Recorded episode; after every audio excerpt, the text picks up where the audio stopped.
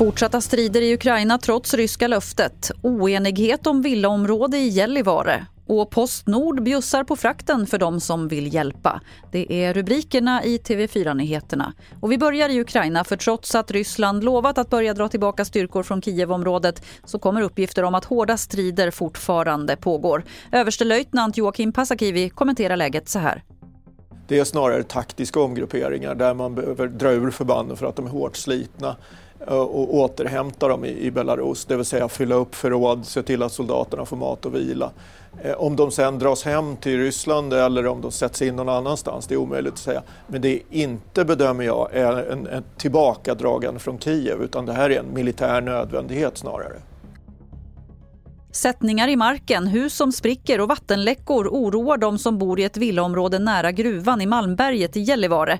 Tre fjärdedelar av husen har rivits men kommunen och LKAB kan inte enas om vad som ska hända med resten av villorna. Kommunen vill att LKAB ska erbjuda familjerna nya hus eller köpa ut dem. Birgitta Larsson är kommunalråd i Gällivare.